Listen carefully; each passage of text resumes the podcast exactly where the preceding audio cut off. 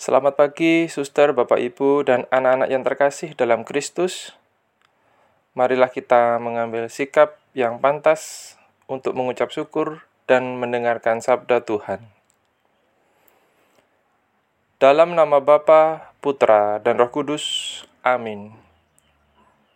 Ya Allah yang Maha Adil, Engkau telah menuntun umat Israel keluar dari perbudakan Mesir. Maka Bimbinglah kami yang lemah ini, agar hari ini kami dapat berbagi kebaikan dan sukacita dengan sesama. Semoga kami juga mampu membantu sesama keluar dari kesulitan mereka. Engkaulah yang hidup dan berkuasa, kini dan sepanjang segala abad. Amin. Inilah Injil Yesus Kristus menurut Matius. Dimuliakanlah Tuhan. Kelahiran Yesus Kristus adalah sebagai berikut. Pada waktu Maria, ibu Yesus, bertunangan dengan Yusuf, ternyata Maria mengandung dari Roh Kudus sebelum mereka hidup sebagai suami istri. Karena Yusuf suaminya seorang yang tulus hati dan tidak mau mencemarkan nama istrinya di muka umum, ia bermaksud menceraikannya dengan diam-diam. Tetapi Ketika Yusuf mempertimbangkan maksud itu, malaikat Tuhan tampak kepadanya dalam mimpi dan berkata, "Yusuf, anak Daud, janganlah engkau takut mengambil Maria sebagai istrimu, sebab anak yang di dalam kandungannya adalah dari Roh Kudus.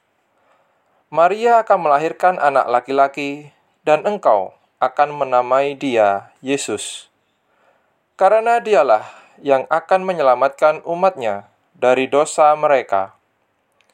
Hal itu terjadi supaya genaplah firman Tuhan yang disampaikan oleh Nabi. Sesungguhnya, anak darah itu akan mengandung dan akan melahirkan seorang anak laki-laki, dan mereka akan menamai dia Immanuel, yang berarti Allah menyertai kita. Sesudah bangun dari tidurnya, Yusuf berbuat seperti yang diperintahkan malaikat Tuhan itu kepadanya. Ia mengambil Maria sebagai istrinya. Demikianlah Injil Tuhan. Terpujilah Kristus. Dalam kisah perikop pagi hari ini, kita tentu mengagumi pribadi Yusuf yang tulus. Ia tidak mementingkan harga dirinya melainkan mengarahkan dirinya pada keselamatan Maria dan anaknya.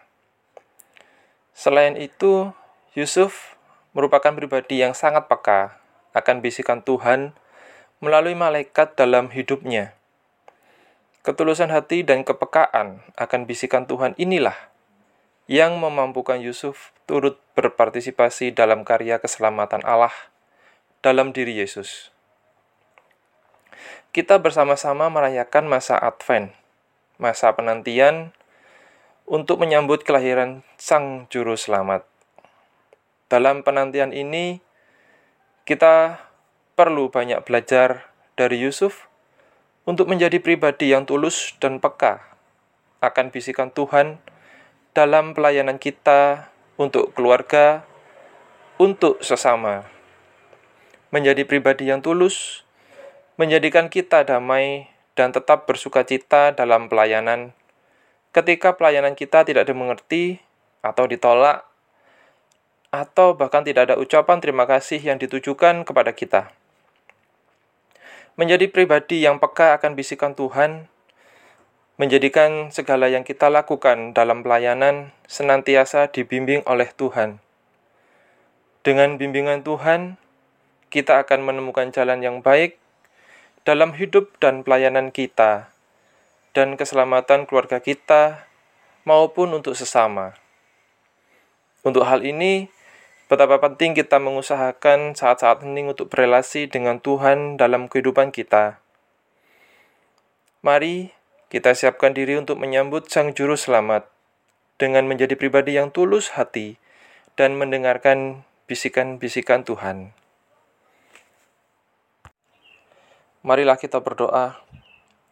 Syukur kepadamu ya Allah, bahwasanya Engkau telah mengutus putramu sebagai anak domba yang datang ke dunia untuk menyelamatkan umatmu. Semoga hari ini kami pun dapat turut membawa warta sukacitamu kepada sesama. Anak domba Allah yang menghapus dosa dunia, berilah damai di dunia ini. Amin. Dalam nama Bapa, Putra, dan Roh Kudus. Amin.